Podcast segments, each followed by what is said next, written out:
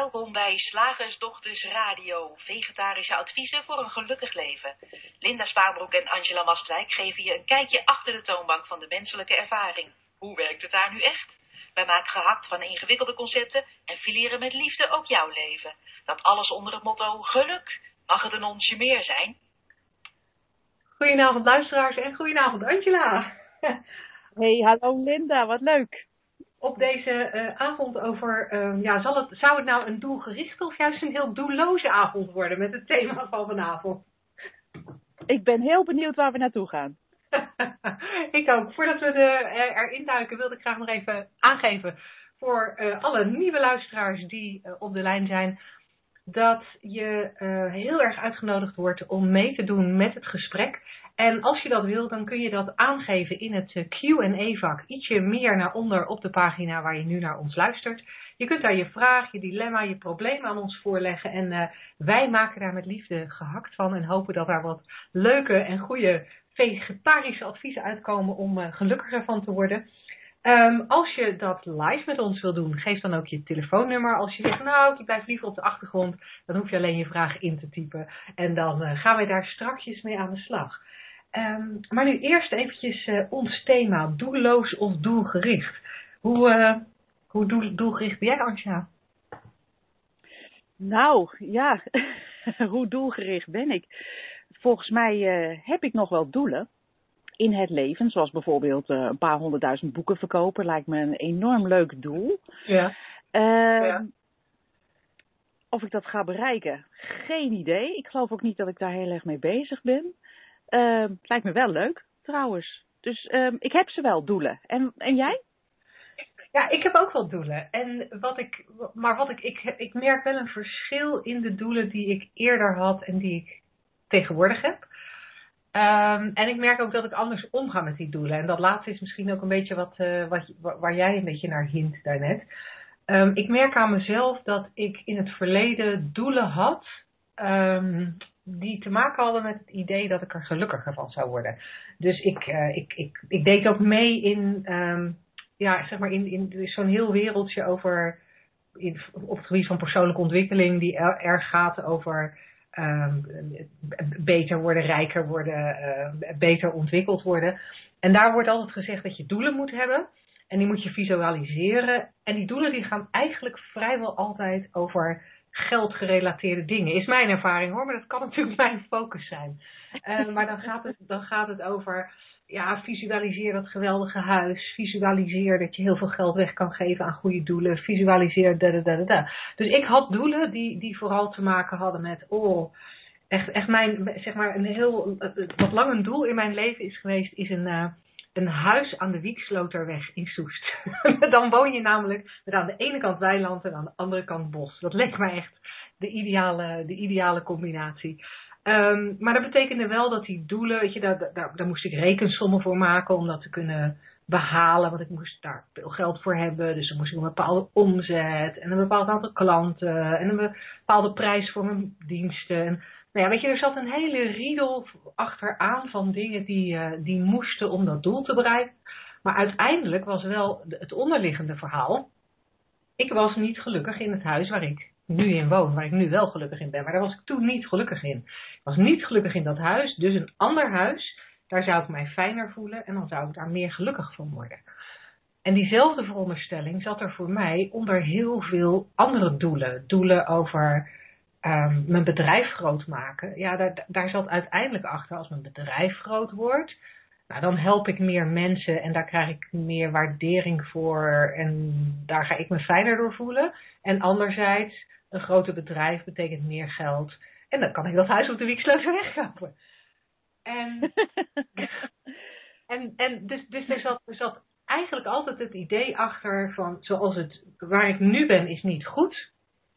Um, en hier blijven is al helemaal niet goed. Want als ik hier blijf, dan ben ik een loser. Want er, er moet wel progressie zijn in het leven. Dus, dus, dus, mijn doelen hadden veel te maken met verder komen. En, en nou ja, het, het, het, leven beter maken. En dus, dus eigenlijk was ik voortdurend bezig, als ik het nu zo, er nu zo over zit te filosoferen. Eigenlijk was ik voortdurend bezig om te vertellen dat, dat het nu niet goed was. Ja, en, dat, dat een beetje als, uh, als uh, The Secret, hè, waar, waar, wat een tijdje geleden heel erg populair is geweest. Misschien nog wel, dat weet ik niet. Maar jarenlang is dat een uh, enorme hype geweest, ook overgewaaid uit de Verenigde Staten. Uh, zoals jij dat beschrijft, dat je dat moest visualiseren en eraan werken en, en, en, en dat het dan uiteindelijk natuurlijk allemaal waar zou worden. En toen hoorde ik een tijdje nadat een beetje de eerste hype was verluwd, hoorde ik eigenlijk het de secret achter de secret. En dat is wel een, een grappige in dit geval. Ja. En die vertelde mij, nou, het gaat er niet om dat je visualiseert en dat je er naartoe werkt. Waar het om gaat, is dat je voelt alsof je het al hebt. En dat is natuurlijk een hele interessante. Want als je je al zo gelukkig voelt, zoals je denkt gelukkig te zijn met dat huis op de, wat was het, Wierenweg? op de Wiekslotenweg. Ja, heb je dan dat huis ook daadwerkelijk nog nodig als je het gevoel van het huis op de Wiekslotenweg al hebt? En dat vind ik wel een, uh, wel, wel een grappige. Valt je doel dan weg als je al gelukkig bent? Ja, en, en wat ik daar dan het interessante aan vind, is dat The Secret nooit zo uitgelegd werd door de mensen waar ik destijds naar luisterde. Want daar werd wel gezegd, ja, voel je zoals je, hè, alsof je het al, al, uh, al hebt. Dus een van de adviezen die ik kreeg van, uh, van mijn business coach was, ja, voel je en gedraag je als uh, een seven-figure business owner. Dus, dus ja, koop ook de kleding die je zou kopen als je een miljoen zou omzetten. Rijd de auto die je zou rijden als je een miljoen zou omzetten. Ga eten in de restaurant waar je zou eten als je een miljoen zou omzetten. He, plaats je daar al helemaal in. Um, ja. En, dan, en dan was het dus niet zozeer van, um, ja, voel je al gelukkig zoals je denkt dat je zou zijn uh, met dat miljoen. Maar ja, daar, in ieder geval zoals ik het opgevat, maar misschien heb ik het verkeerd opgevat. Uh, dat kan natuurlijk ook nog. Maar het kwam, het kwam op mij altijd ja, het heeft mij altijd de boodschap gegeven van gedraag je wel zo.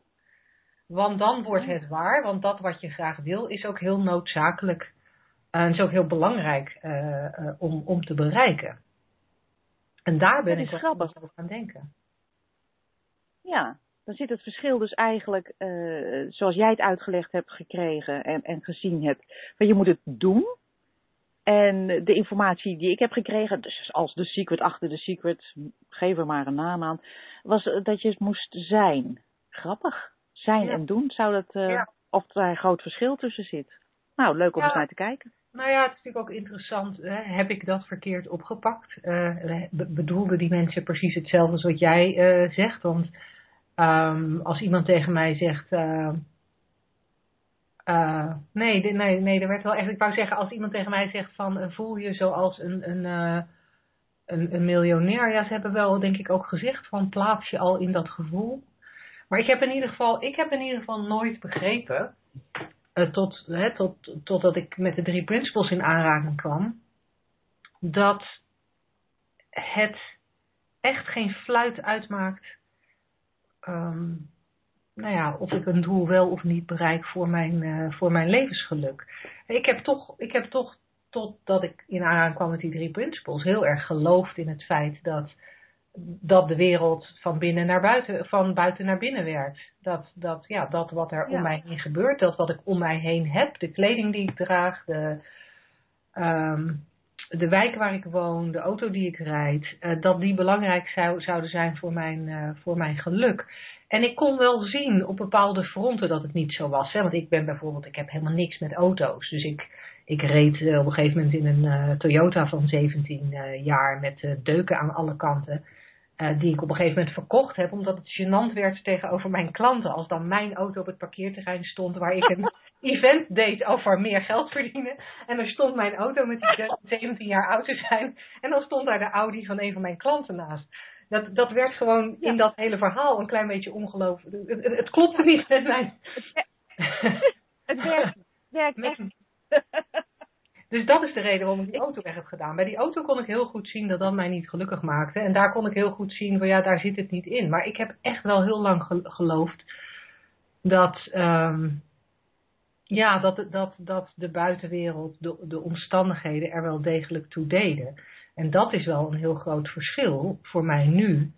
Uh, nu ik zie dat de omstandigheden er niet toe doen. Dat ik, kan, dat ik gelukkig kan zijn um, nou ja, in een klein huis of in een groot huis of in een kleine auto of in een grote auto, om maar een paar voorbeelden te, noemen, met die 10 karaats diamant aan mijn vinger of zonder. um, lukt me tot nu toe prima zonder. Um, dan dat, dat, um, dat is wel fijner, want daardoor is het leven nu veel fijner. En hoef ik niet alsmaar bezig te zijn met de toekomst. Dan hoef ik niet alsmaar het gevoel te hebben ook dat, dat, um, ja, dat de toekomst beter gaat worden, want dan heb ik die spullen wel. Um, ik kan me nu goed voelen in elk moment, dat is heel heerlijk. Maar dat, dat, dat um, schijnt wel gelijk ook een ander licht op doelen.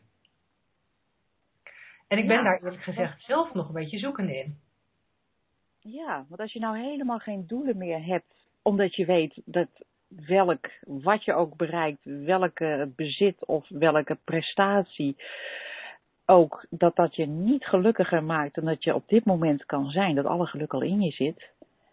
Wat dan? Wat dan? Ja, nou ja, dan... dreigt. En toevallig las ik daar vandaag een hele mooie tweet over van Suzanne Smit. Dus de schrijfster, die kennen we misschien wel van de Happiness als luisteraars die uh, lezen. En uh, heel toevallig, of misschien wel helemaal niet toevallig, twitterde zij het volgende.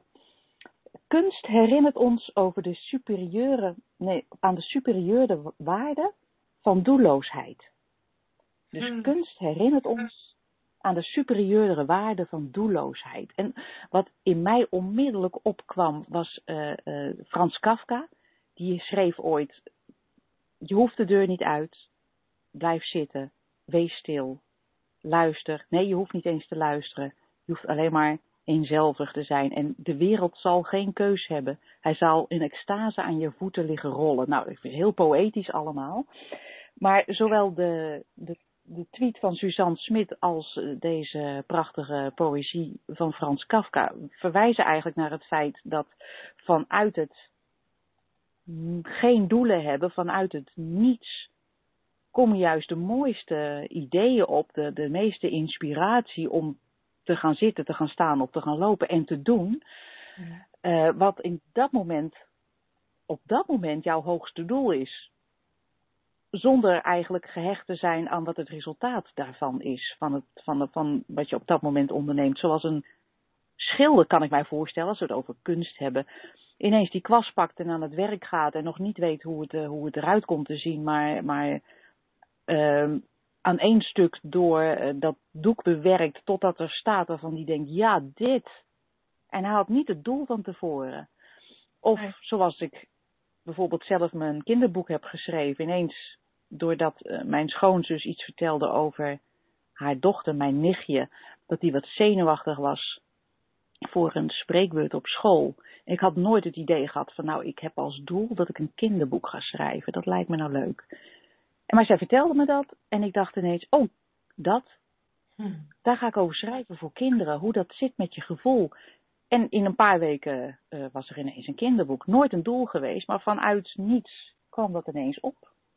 Dus doelloosheid ja, zou zomaar tot grote focus kunnen leiden. Of misschien wel ja, de voedingsbodem zijn van focus. Zoiets zie ik dat. Heb jij daar ervaring mee? Ja, nou, ja, ja. Ik, ik, uh, wat, wat ik merk, uh, omdat ik natuurlijk, ik, ik, ik kom uit, uit een periode van grote doelgerichtheid en zit nu in een periode met veel minder doelgerichtheid.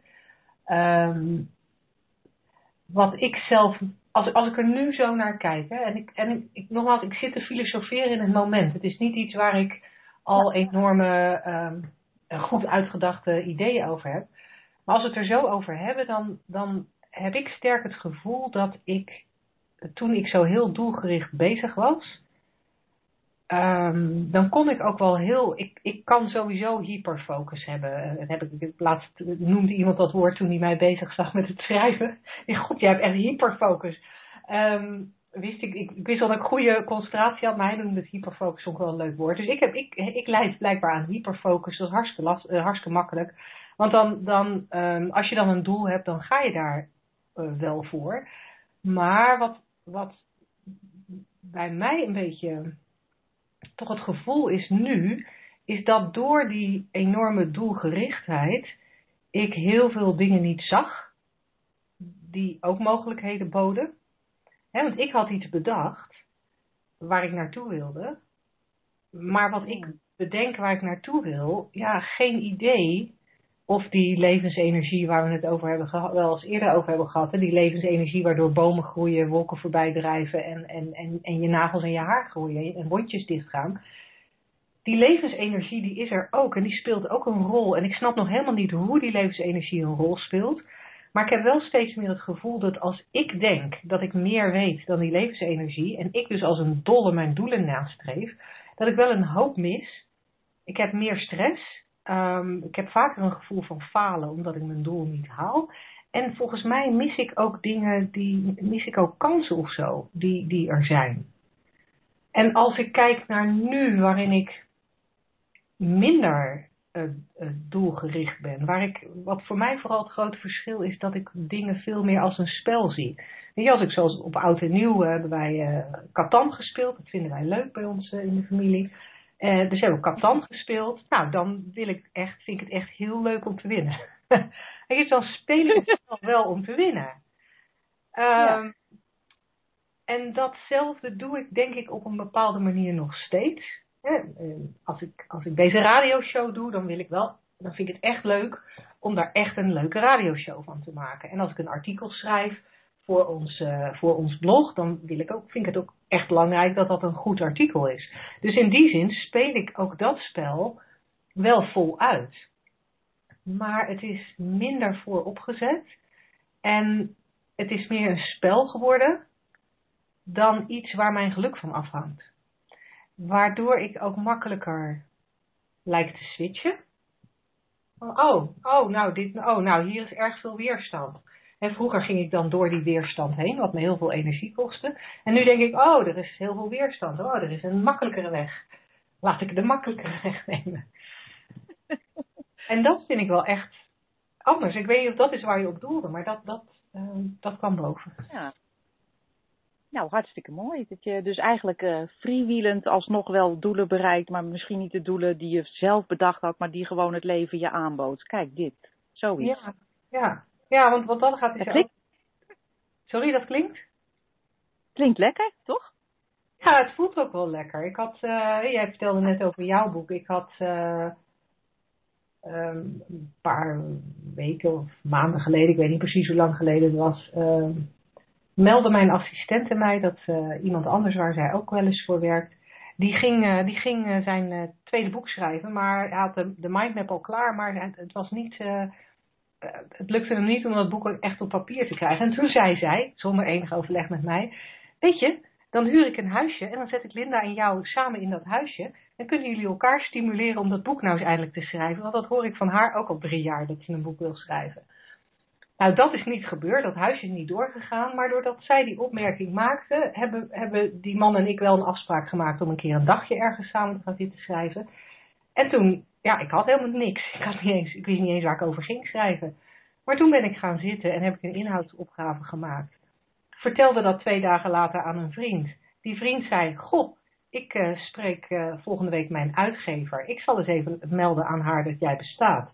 Die uitgever belt mij een dag later en uh, we hebben een afspraak gehad en, en mijn boek gaat officieel uitgegeven worden. En dat doel had ik me al niet meer, dat had ik al helemaal niet meer voor ogen. En ik had ook helemaal niet, de in, ik bedoel, dit pad had ik niet kunnen bedenken. Maar het was er ineens met, zeg maar, met een vingerknip. En dat vind ik het mooi. Mooi hoe dat werkt, hè? Ja, ja. En, en, en, en dat vind ik mooi dat die, dat naarmate je meer ziet hoe die drie principes werken. En ook een beetje durft te vertrouwen op het feit dat het niet allemaal van jou afhangt. Um, dat er dan dingen op hun plaats kunnen vallen, waardoor het leven makkelijker wordt. en ik zei net ook al, maar dat vind ik zo cool. En als ik naar jou kijk, dan heb ik, dan heb ik het gevoel dat jij, dat jij dat nog veel meer leeft dan ik. Nou ja, dat, dat kan ik niet inschatten, maar ehm, ehm, ja, het leven is makkelijk. Dat ervaar ik wel zo. ja, en, en ook wat je zegt, toevalligheden, alles, alles wat zo mooi gezegd wordt, komt op je pad. Ik vind dat zelf een beetje een, een jeukterm, maar dat geeft niet. Ehm, ik had vorig jaar een artikel geschreven, toevallig over een camping hier. Die wordt nu overgenomen. Die man die kent een vriend van ons, die komt hier en die zegt, oh je mag, uh, als jij dat alsnog uh, laat publiceren, wat ik dus ga doen. Oh, ben je een maand lang gratis hier welkom. Nou, was niet mijn doel ik heb er eigenlijk dus niets voor gedaan. Alleen even die man uh, gesproken en wat dingetjes opgeschreven die nog aangepast moesten worden. En ineens woon ik een maand gratis. Nou, dat soort dingen. Heerlijk. ja, geweldig. Geweldig. hey, zullen, zullen we dan even heel doelgericht, maar wel moeiteloos overgaan naar ons volgende item? Graag. Slagersdochters, wat zit er in de leverworst? Oftewel, tijd voor wat wetenschap. Ja, tijd voor wat wetenschap. En heel doelgericht heb ik daarvoor een hoofdstuk herlezen uit het boek The Field van Lynn McTaggart, ook in het Nederlands uitgegeven, onder de niet verrassende titel Het Veld. en uh, het hoofdstuk wat ik heb gelezen ging over toevalsgeneratoren. Wat zijn dat nou weer? Uh, oftewel random event generators, waarmee al sinds de jaren 70 geëxperimenteerd wordt, onder andere door de Universiteit van Princeton. Een random event generator moet je voorstellen als, tenminste zo stel ik het me voor, als een machine die helemaal zo is ingesteld dat die willekeurige enen en nullen produceert. Zoals elke computer uh, enen en nullen produceert. Hè, dat is alleen maar, staat die aan of staat die uit. Het zijn een soort, uh, alles wat er in je computer omgaat bestaat uit ene en nullen. Dat zou je niet zeggen als je er een film op zit te kijken. En toch is het zo, wonderbaarlijk. En deze random event generators, die spugen dus ene en nullen uit randomly. Dus willekeurig. Nu is het zo, de wet van de grote getallen zegt, als je dat maar lang genoeg doet, en je gaat kijken hoeveel ene en hoeveel nullen zijn er nu uh, geproduceerd, dan moet dat 50-50 zijn als je een miljoen keer uh, enen en nullen uh, produceert, dan zijn er waarschijnlijk 500.000 enen en 500.000 nullen. kan een heel klein uh, afwijkingje in zitten, maar dat is verwaarloosbaar op statistisch gebied. Nou, waarom hebben ze daar nou voor nou experimenten mee gedaan? In welk, in welk opzicht?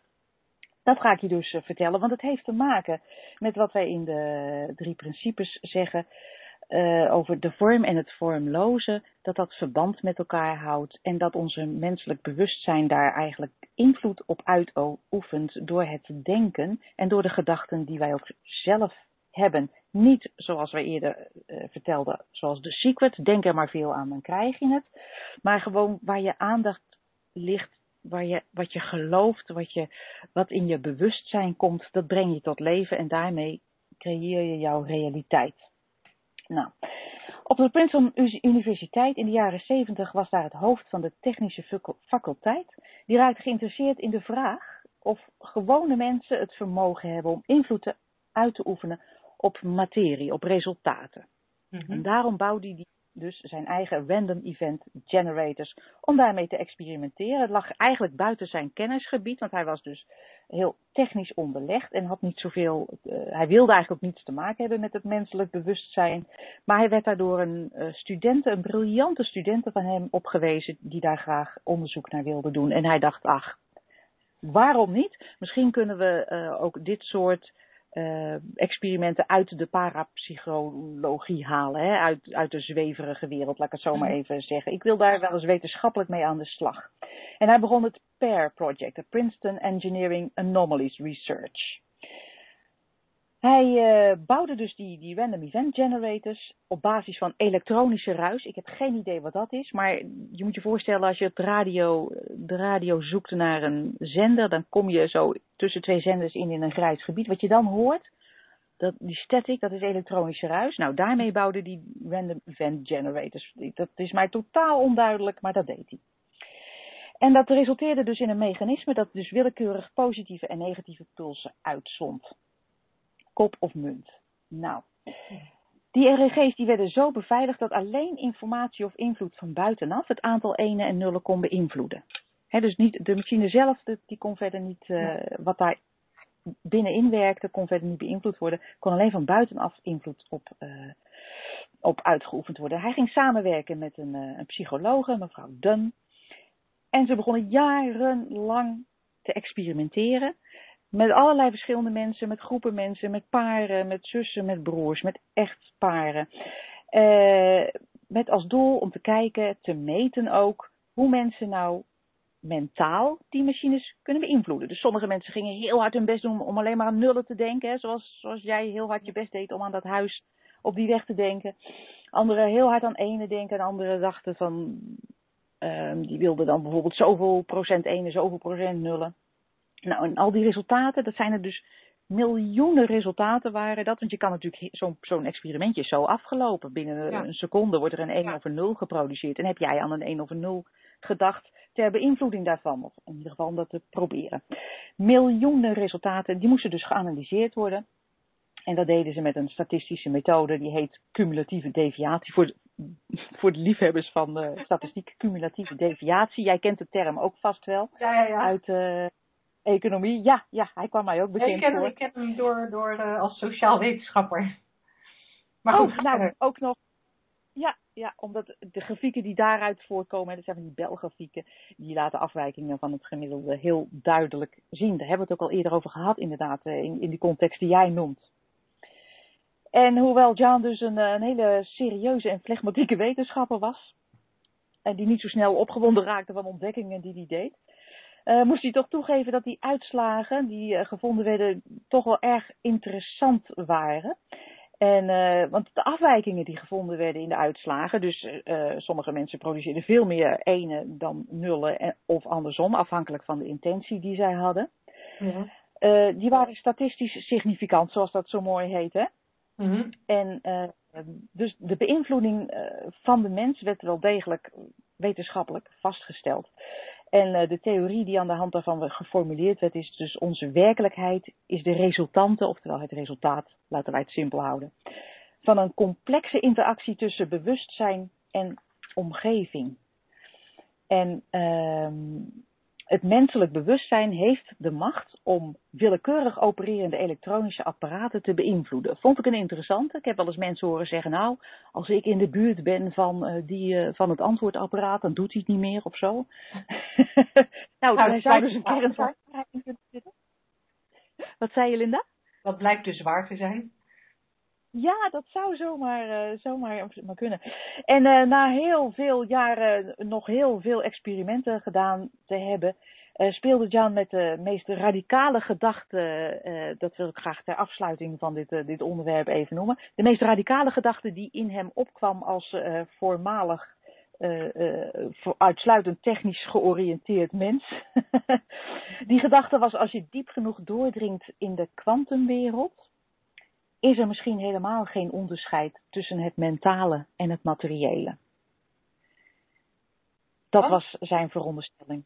En ja. ja, daar gaan we dus eh, richting uh, de vorm en het vormloze, wat eigenlijk één is.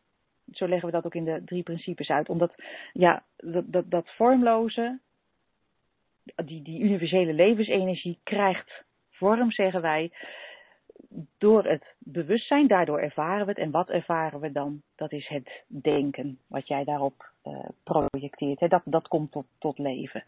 En dus meneer Jan van de Universiteit van Princeton kwam met een uh, grote omweg. En na tientallen jaren experimenteren met eentjes, nulletjes en heel veel mensen en intenties, eigenlijk tot dezelfde conclusie. En dat vond ik dan wel weer heel mooi.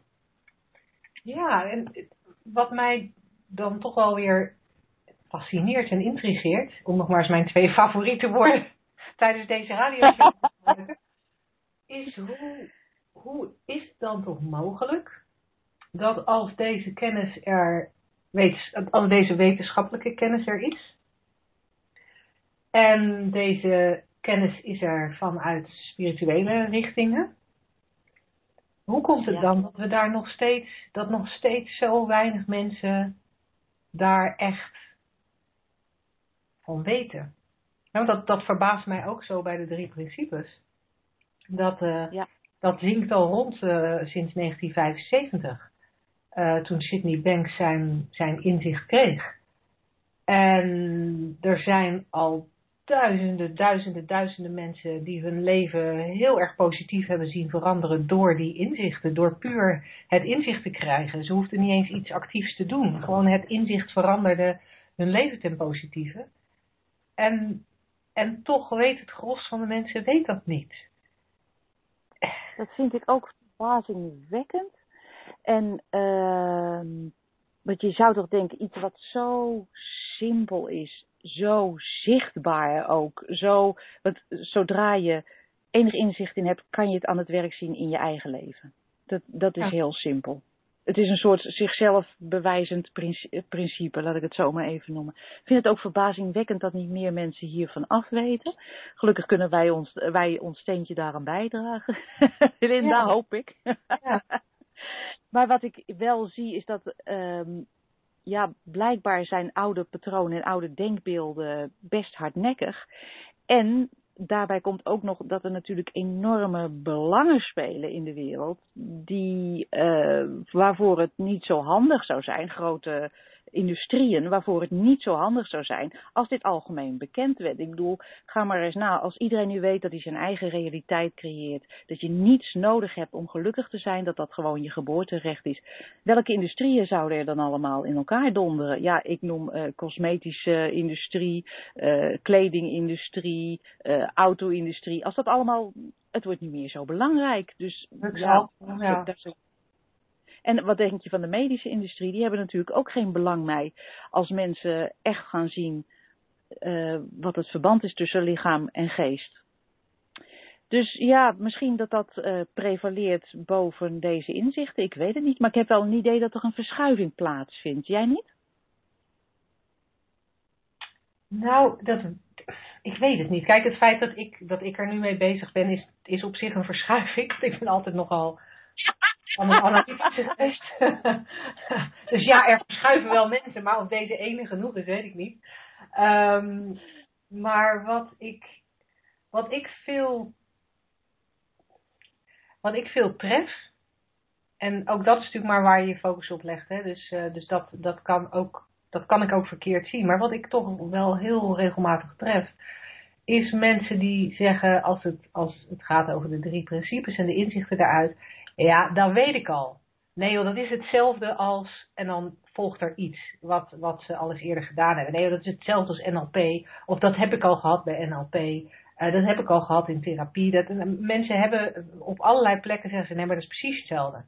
Je vertelt echt niks nieuws. Ik heb zelfs als iemand gehad die tijdens een event naar me toe kwam en zei, nou wat jij mij nu hier, wat jij hier nu staat te vertellen, echt dat is kleuterschoolniveau. Terwijl ik al middelbare schoolniveau heb als het gaat om, eh, om dit gebied van persoonlijke ontwikkeling. Dus het is echt gênant dat jij hiermee op een podium gaat staan.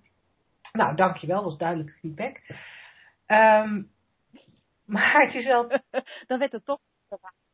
Ja, dan is, het, eh, dan is het misschien nog niet duidelijk genoeg. Misschien ehm, eh, ben ik daar zelf debet aan, omdat we toch nog veel verhalen vertellen. Maar ja, eigenlijk is het ook niet op een andere manier te vertellen hè, hoe, het, hoe het uitpakt in je eigen leven. Dat is de enige manier waarop we kunnen, kunnen uitleggen wat het eh, doet. Ehm, maar wat ik al, wel wil uitwijzen in deze is dat dit niet een theorie is of een nieuwe filosofie, maar dat het verwijst naar de basis van alle theorieën en alle filosofieën. Mhm. Het verwijst naar wat daarachter zit, hoe dat allemaal tot leven komt. Ja, en dat is, dat is voor Dus mij daarmee is het verschil. En het lijkt ook, het lijkt, voor mij lijkt het vaak alsof mensen, alsof veel mensen er heel dicht tegenaan zitten. eh, hè, met, met mensen die, die, die persoonlijke ontwikkeling uitdragen. eh, dat ze er heel dicht tussen, tegenaan zitten, maar dat ze net dat, ik weet niet, net alsof ze dat laatste stukje missen. Dat laatste stukje dat gaat over, over misschien wel die wetmatigheid. En, en dat laatste stukje over die samenhang van gedachte, bewustzijn en, en wat we dan mind vaak noemen. Ehm, Ja, Ja. en ook de, de, de eenvoud hiervan. ja, het is misschien ook al te is niet- simpel. Ja, ja misschien is, is, dat hoor ik ook vaak van zo simpel kan het niet zijn. Want. En dan komt er een, een, een bezwaar. En, en het is mooi, want het, het, het, elk bezwaar wat, wat er tegen deze eenvoud kan ontstaan, bewijst al dat je dus met je denken eh, je eigen realiteit creëert en waar maakt voor jou. En daarom zal elk bezwaar wat je hebt tegen de eenheid, de eenvoud van deze, uh, deze drie principes zichzelf bewijzen. En dat maakt het misschien ook lastig om te zien als je gelooft in je eigen bezwaren. Ja, ja, ja en, en wat ik daarnaast, wat ook in me opkomt, is dat het misschien ook een iets, iets wat complicerende factor is. Het feit dat je dit analytisch kan soort van beschouwen. Oh ja, nee, nee, ik snap wel hoe dat zit met die principes. Maar dat je het effect er pas echt van gaat merken als je het daadwerkelijk ziet op, op, op een dieper niveau wat, wat je niet eens kunt, hè, wat, wat ik niet eens in woorden kan, uh, kan omzetten. En ik kan me voorstellen, omdat we, omdat we natuurlijk in onze maatschappij in ieder geval toch wel heel analytisch worden, um, we worden getraind om heel analytisch te zijn en alles met ons hoofd te doen, um, dat het dan ook makkelijk is om te blijven hangen bij het analytische. En, en het niet echt te laten zakken in, ja, in, in, in wat dan niet tastbaar meer is. En het van daaruit ja. te zien. En Sidney, Sidney Banks heeft, heeft in, in een van zijn boeken. Uh, uh, ik ben nou even de titel kwijt. Maar in een van zijn boeken heeft hij het ook heel expliciet steeds over het verschil tussen zien en zien. Zo stel ik me dan voor dat het gezegd werd. Maar dan stond er zien en zien tussen aanhalingstekens. Um, en ja. dat, dat zou. Ja, die, het is die Enlightened Gardener, even voor de luisteraars. Oh, oké, okay, oké. Okay. Ik dacht dat het dat boek was dat op Hawaii speelde. Maar misschien dat het wel in beide uh, uh, voorkomt. Ja, Enlightened ja. Gardener van Sydney Banks is in ieder geval een heel uh, fijn boek als, als, het, als je in deze richting wilt kijken. Um, ja, en, en, en, misschien dat dat het ook lastiger maakt. Ja, ik begrijp het. Ja, nee, oké, okay, weg ermee. Ja. ja.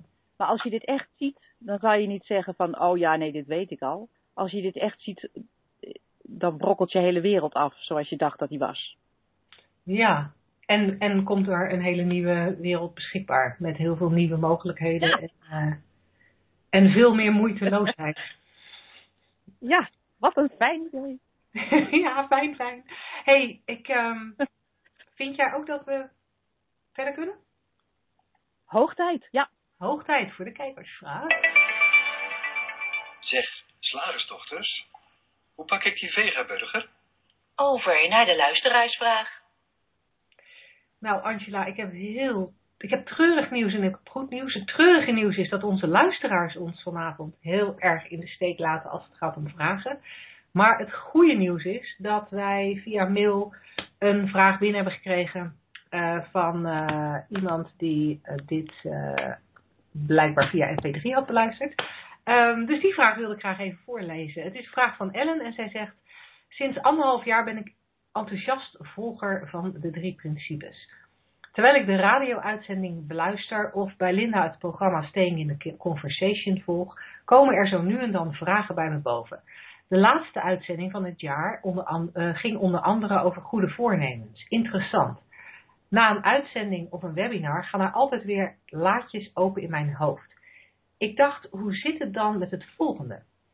Professionele sporters stellen duidelijke doelen, trainen hard, visualiseren, hebben een duidelijke focus, etc. etc. Hoe zien jullie dat 3P gewijs? Zouden ze ook gewoon zonder de training doelen stellen en focus hun richting kunnen bepalen? Ik ben benieuwd naar jullie antwoord. Een goed en fijn 2016 gewenst met veel 3P-wijsheid. Dankjewel Ellen. Eens gelijk. Coole vraag. Sporters en hun duidelijke... Ja, heel, heel, ja. Uh, sporters, ja, er is inderdaad uh, een van de Amerikaanse uh, Three Principles leraren die zich heel erg richt op de sporters. Garrett Kramer heeft daar ook prachtige boeken over geschreven. Still Power, in plaats van Willpower. En The Path of No Resistance. Ook geweldige boeken van Garrett Kramer. En wat hij daarin beschrijft, hij is, daar, hij is heel strak in de leer, laten we het zo maar even zeggen. Als een sporter werkelijk, daadwerkelijk ziet, laten we het nog even benadrukken, ziet hoe het werkt, van binnen naar buiten, zal die nog steeds geïnspireerd zijn, waarschijnlijk. Want ik neem aan dat je niet een sport doet die je vreselijk vindt, maar gewoon een sport doet die je heel leuk vindt en dat je dat ook heel graag doet en heel vaak wil doen en, en je er je beroep van wil maken. Dat je ziet dat geen enkel, uh, enkele omstandigheid van buitenaf jou kan beïnvloeden en ook geen enkele eventueel tegenvallend resultaat jou kan beïnvloeden zal jij geïnspireerd bezig zijn met de sport eh, naar jouw hart en zal het waarschijnlijk leiden tot nog betere prestaties. Dat is in ieder geval wat Garrett Kramer ziet bij de sporters die hij traint, die hij mentaal begeleidt, laten we het zo zeggen. En ik denk ook dat dat heel logisch is. Als jij, natuurlijk stel je nog wel doelen, kan ik me zo voorstellen, als je, maar dat, dat is wat ik bedenk. Dat is niet iets wat wat je uh, de drie principles zeggen. Dat zegt alleen maar zo werkt het leven. Punt. Maar ik kan me voorstellen dat je als individu uh, wetend van de three principles en dat ook daar heel diep ziend nog steeds kan denken. Nou, ik vind hardlopen echt zo gigantisch leuk. Kan het ook heel goed. Ben er lekker op gebouwd. Ik, wil het, ik, wilde, ik wilde gewoon mijn beroep van maken. Hé, hey, wat is het record? Nou, ga ik eens kijken of ik dat kan verbeteren. En wetend hoe het leven werkt, hoef je dan minder teleurgesteld te zijn als je even niet die limiet haalt. Dan stort niet je wereld in, want je weet dat jij je wereld zelf maakt. Als je net het wereldrecord mist, ja, zal je toch kijkend naar hoe het leven werkelijk in elkaar zit, uh, waarschijnlijk een grotere veerkracht hebben en ook minder de behoefte te hebben, minder de behoefte hebben om allerlei verhalen omheen te hangen. Ik hoor bij sporters vaak verhalen bijvoorbeeld, dan hebben ze een tijdje geleden een golfer die had uh, de kat gemist, hè, dus na twee dagen moest hij het toernooi uit en die zei ja, ik heb ook veel te veel toernooien gespeeld en, en dat is natuurlijk onzin. Hij heeft precies zoveel toernooien gespeeld als dat hij gespeeld heeft. En te veel, dat is zijn mening daarover. En dat is gewoon een, een verklaring achteraf voor wat zich aandiende in de realiteit. Ik denk als je daadwerkelijk ziet hoe dit werkt, van binnen naar buiten, heb je minder behoefte aan dit soort verhalen, aan excuses. En kan je gewoon geïnspireerd uh, werken in de sport uh, van je hart. Zo zie ik het. Al dan niet met doelen en ze al dan niet halend. Maar dat maakt niet zoveel uit voor je geluk. Ja, en wat ik een, een, uh, iemand anders uit de drie Principles Community, waar, wiens naam ik me niet kan herinneren, maar hij, is een, hij, hij, komt uit Scandinavië. zelf iemand die uit de topsport komt en nu ook mensen coacht vanuit, vanuit het gedachtegoed van de drie Principles.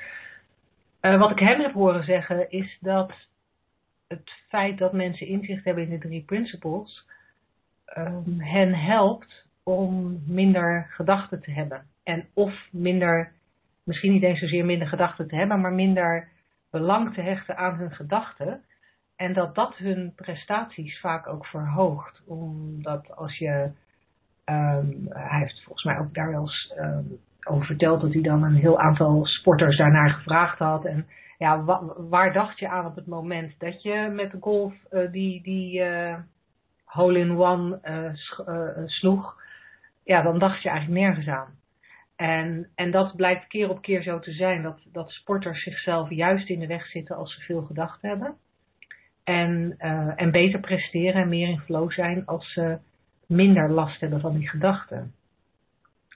dus daar, daar daar zie ik dan ook nog wel een, uh, zeg maar een voordeel of een link naar de drie principes. En ik vraag me ja, af. Ik denk dat het, het, woord flow wat je noemt. Ja. Het woord flow wat je noemt, inderdaad. Het lijkt me als je je gedachten vooral je beperkende gedachten, je angstige gedachten, je zenuwachtige gedachten niet zo serieus neemt, ze niet gelooft en je er weinig van aantrekt, dan kan je nog steeds met bibberende handjes aan de start staan. Maar je raakt toch echt makkelijker in flow als je daar niet al te veel uh, aandacht aan besteedt. En jij had nog iets wat je je afvroeg. Ja, want kijk, het feit dat uh, professionele sporters duidelijke doelen hebben, hard trainen, visualiseren, uh, focus, da da.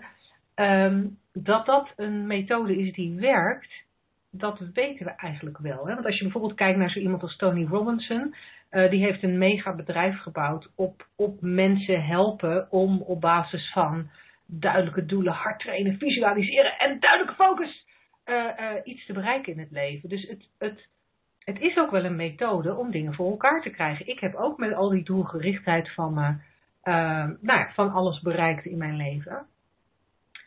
Het is alleen de vraag of het nodig is. En ik denk het dat het... heel vermoeiend.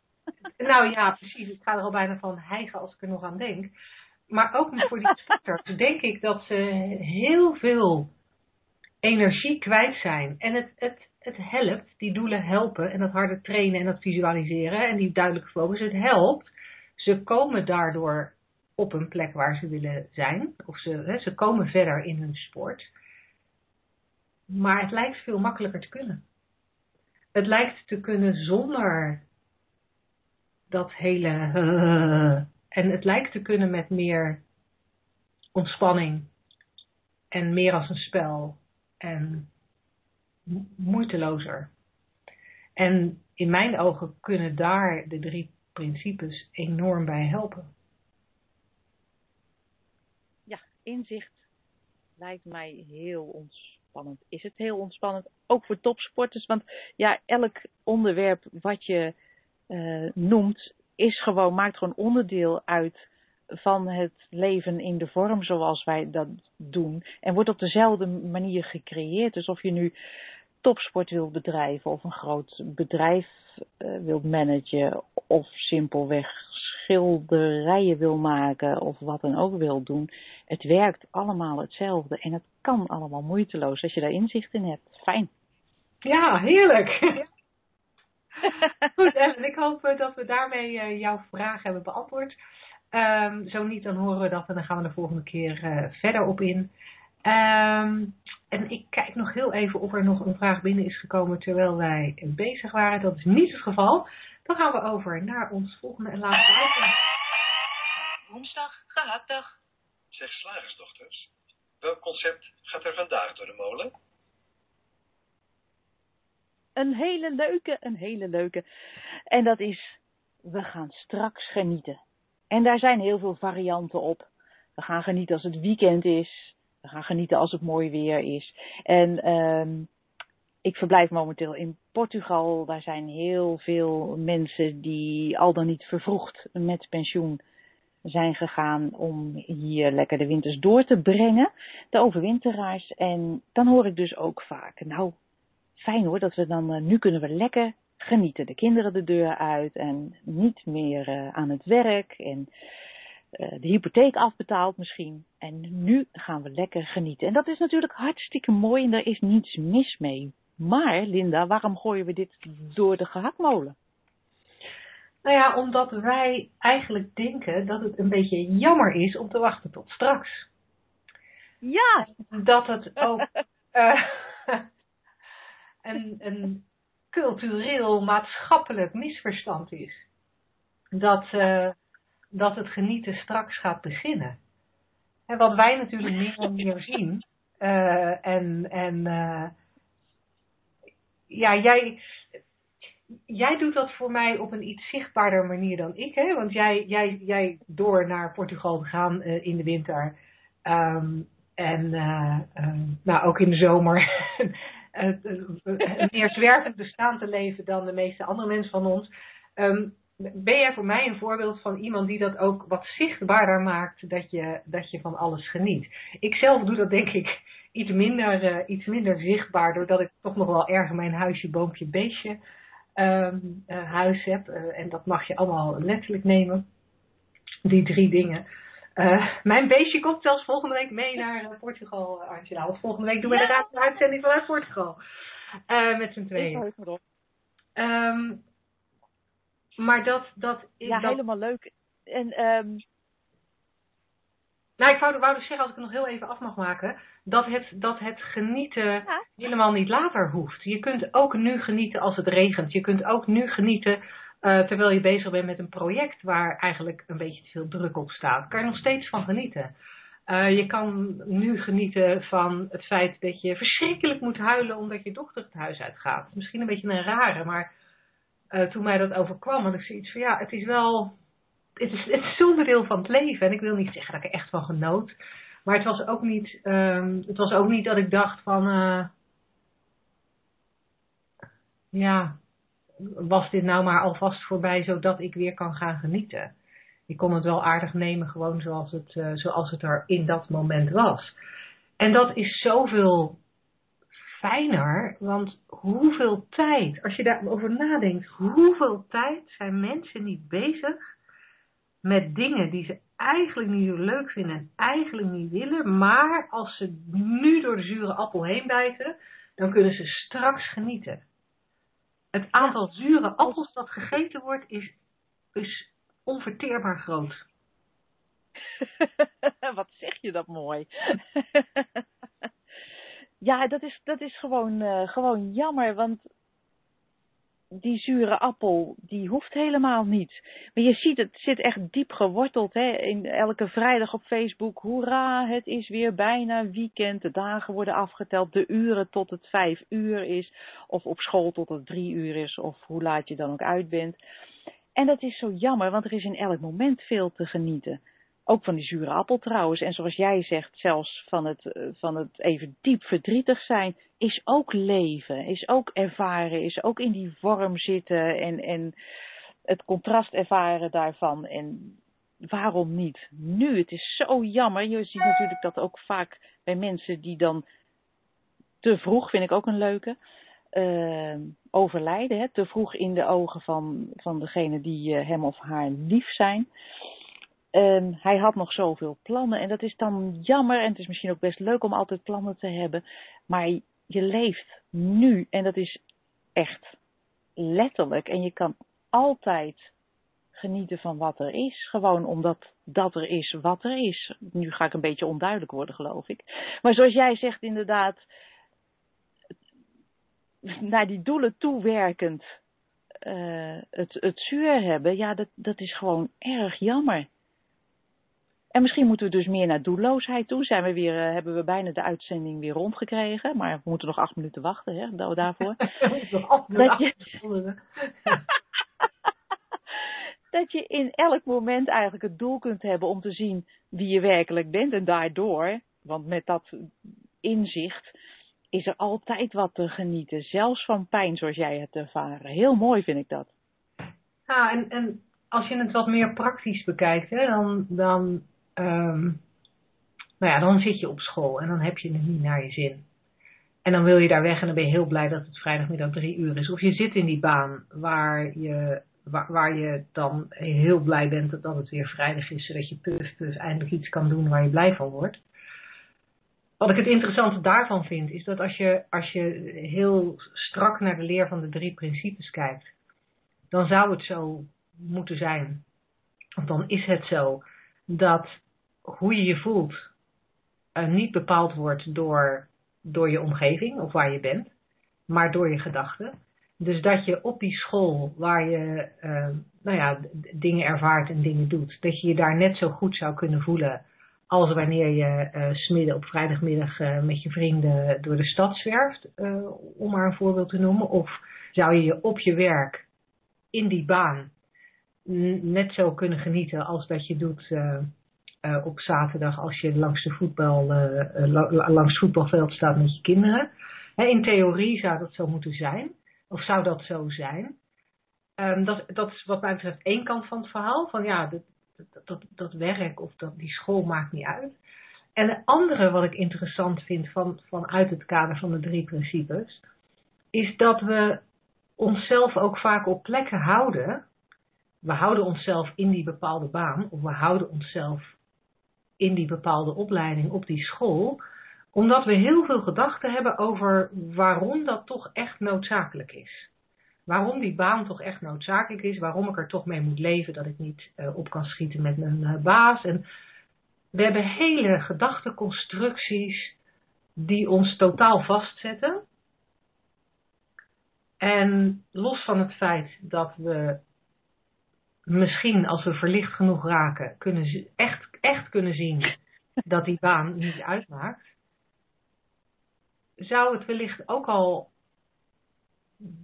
een hoop ruimte geven als je zou kunnen zien dat het feit dat je die baan moet doen een gedachte is. En dat je dat geld Ja. moet verdienen een gedachte is. Zodat je ook meer ruimte aan jezelf geeft om nu de dingen te doen waar je je toe geroepen voelt. Om dat Ja. schilderij te gaan maken waar je je toe geroepen voelt, maar dat waarschijnlijk geen geld opbrengt. Om maar wat te noemen. Ja, bijvoorbeeld. Ik lag er even uit, dus ik, eh, ik heb even gemist wat je gezegd hebt, een, een, een, een korte minuut. Misschien eh, ga, ik, eh, ga ik herhalen, in herhaling vallen. Maar ik hoor ook vaak eh, als ik vertel dat ik dus al vier jaar bijna rondreis in een camper, geen huis meer heb en in alle vrijheid qua uiterlijke omstandigheden leef, zeggen heel veel mensen dat wil ik ook. En, eh, en dan zeg ik nou dat moet je doen. Ja, leuk. En dan komen er in. Een, ja, leuk, leuk. Wanneer? Dan komen er inderdaad allerlei eh, eh, gedachten op. Ja, maar dat kan nog niet, want ja, ik heb kinderen. En dat is grappig, want die heb ik ook. Maar blijkbaar is dat voor heel mensen toch een bezwaar om eh, van hun kinderen vandaan te zijn in het hoofd. Hè? En eh, zo komen er allerlei bezwaren. En dat is, dat is heel erg eh, grappig dat je jezelf dus zo in je hoofd kunt tegenspreken over iets wat je dan wil. En vervolgens allerlei gedachten oproepen om toch maar niet te doen wat je wil. En dat is, volgens mij levert dat een, een hoop ja, stress op eigenlijk. Die gedachten. Ja, en dan blijkbaar ook zo vastzitten in, in een bepaald gedachtepatroon dat je de ruimte ook niet ziet voor andere mogelijkheden die er zijn. Ik had toevallig van de week Ja. met iemand die werkt vier dagen in de week. Nou, wat mij betreft, als je elke vrijdag vrij bent, kan je op donderdagavond een willekeurig vliegtuig pakken en op zondagavond weer terugkomen. Kun je elk weekend reizen. En dat is misschien financieel niet helemaal haalbaar, maar één keer in de maand met de prijs van de vliegtickets van tegenwoordig. Eh, je kan eh, aan couchsurfen doen als je dat zou willen. Dan hoeft dat je eh, niet, dan hoeven overnachtingen niet veel te kosten. Als je wil, zijn er ook, ehm, als je wil, als, je, als het je lukt om een beetje buiten de gebaande, gebaande paden te treden, dan kunnen er zelfs binnen, nou, binnen die dingen waar, waarvan je zegt, die vind ik belangrijk. Ik wil graag in de buurt van mijn kinderen zijn. Eh, of ik wil graag gewoon die baan hebben, want die vind ik leuk en dat vind ik belangrijk. Maar ik wil daarnaast ook graag reizen. Ja, zijn die mogelijkheden er nog steeds. Maar het is grappig hoe we onszelf eh, vastzetten. En dan denken dat het Ja. allemaal wachten tot straks. Ja, Als de en, en kinderen... het ook als waar aan, Ja, heel waar. Ja, het als waar aannemen. Ik heb dus ook wel eens zo'n gesprek gehad met iemand die zei, nou dat wil ik ook. En dan zei ik, nou dat moet je doen. En dan was er een, eh, een lijst met, eh, met bezwaren, met beperkingen. En toen dacht ik, nou ik ga daar eens voor zitten en ik ga al die bezwaren wegnemen. Hè? Dat is gewoon voor de grap. Dat is een hele goede dus voor elk bezwaar. Ja.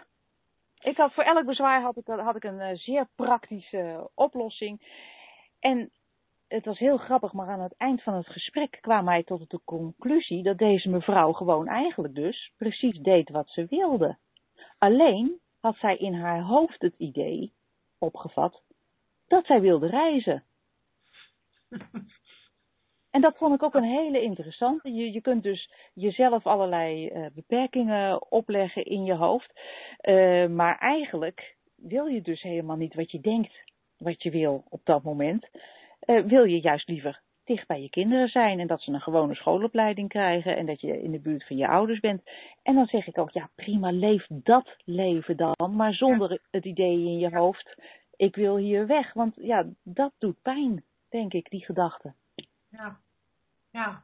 ja, cool is dat, hè? Dat dan, dat dan iemand eigenlijk het leven heeft dat ze wil, maar vergeet ervan te genieten omdat ze denkt dat het er anders uit hoort te zien. Ja, dat is een hele grote. Ja. Misschien moeten we daar eens een hele aparte uitzending aan Ik wijden. wou net zeggen, ja. ja, dat doen we. Hartstikke goed. hey, ehm, ik denk eh, dat het eh, tijd is om te besluiten. Het is half negen volgens mij. Eh, Ja, inderdaad. hartstikke bedankt voor dit fijne gesprek. De luisteraars, heel erg bedankt voor het luisteren. En vergeet niet, je vragen zijn heel erg welkom. Welkom at deslagersdochters.nl is ons uh, makkelijkste e-mailadres. En uh, we zien je vragen heel graag tegemoet. Je vragen, je dilemma's, je problemen. Gooi ze maar in onze richting. En uh, ik zou zeggen, tot volgende week. Ja, tot dan. Dag. Dag. The moderator has left the conference.